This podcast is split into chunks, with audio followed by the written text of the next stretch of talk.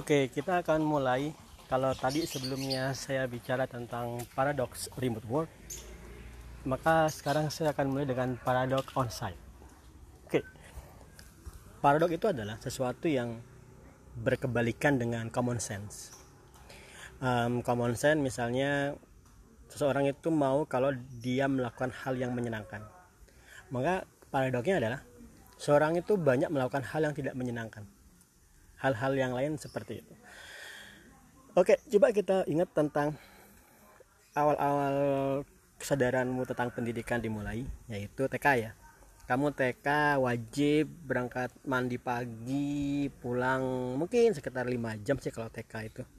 Kemudian SD tambah dahsyat lagi, lebih pagi, pulangnya lebih siang. SMP lebih panjang lagi, lebih pagi lagi, lebih siang lagi SMA lebih panjang lagi sampai sore kadang-kadang apalagi dengan lima hari kerja. Maka jangan mungkin anak-anak itu berangkat jam 6 pagi pulang jam 5 sore. Contoh anak saya sih. Nah kemudian kamu yang mengenyam bangku kuliah mulai menikmati suasana belajar pendidikan di mana waktunya bisa slow ya kan? Kalau 24 SKS ngalamin banget kalau kita sehari itu mungkin satu pelajaran atau sehari itu ada waktu luang 4 jam. Meskipun sampai sore waktu luangnya banyak. Atau lagi kalau teman-teman sudah mulai mendekati skripsi waktu luangnya satu semester 6 bulan itu panjang banget asal skripsi dikerjain ya. Jadi intinya adalah begitu kamu sudah memasuki jenjang kuliah kamu mulai merasakan kenikmatan waktu luang. Yaitu kamu nggak wajib untuk 9 to 5 Oke, okay, uh, skip sebentar. Saya sedang berdiri di sungai dekat rumah saya dan ada motor sedang lewat. Saya cut sebentar.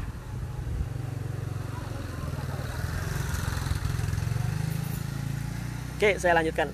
Nah, tapi mindset umumnya yang saya sebut sebagai paradoks adalah begitu kamu mulai uh, memasuki jenjang kerja, kamu atau umumnya kita tuh nggak berpikir lagi bahwasanya begitu kamu kerja kamu akan mulai kehidupan fase kehidupan di mana waktu kerjamu akan jauh lebih mengerikan ketimbang waktumu yang SMA skip masalah kuliah.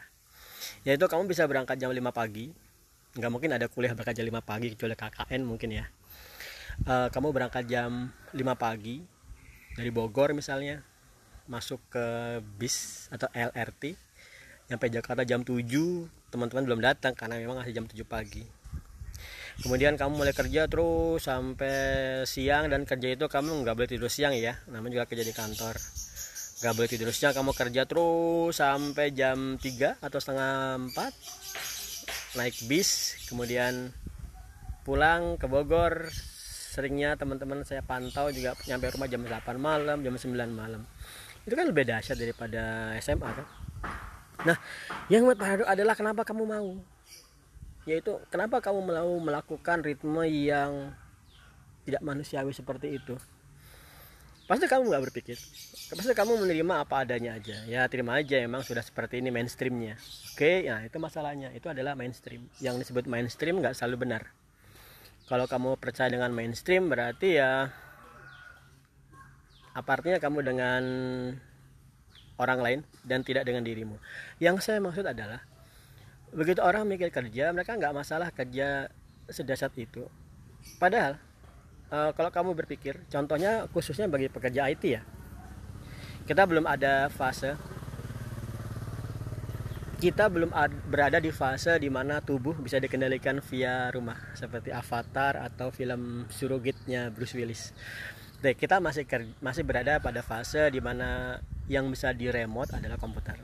Nah, kalau kamu saat ini sedang berduduk duduk di depan komputer, ngetik data entry, coding atau desain, coba kamu pikir, harusnya itu bisa kamu kerjakan di rumah kan?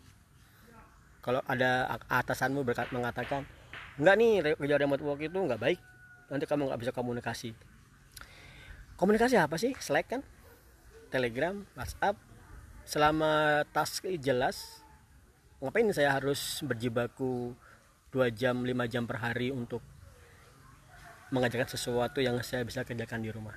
Itu yang disebut dengan paradoks. Hal ini itu cara memecahkannya tidak mudah. Contoh kalau kamu kerja remote kamu banyakkan di rumah maka pertama-tama yang menjadi tantanganmu adalah um, keluarga istri atau orang tua atau mertua. Um, dia akan mulai bertanya ngapain kamu gak kantor?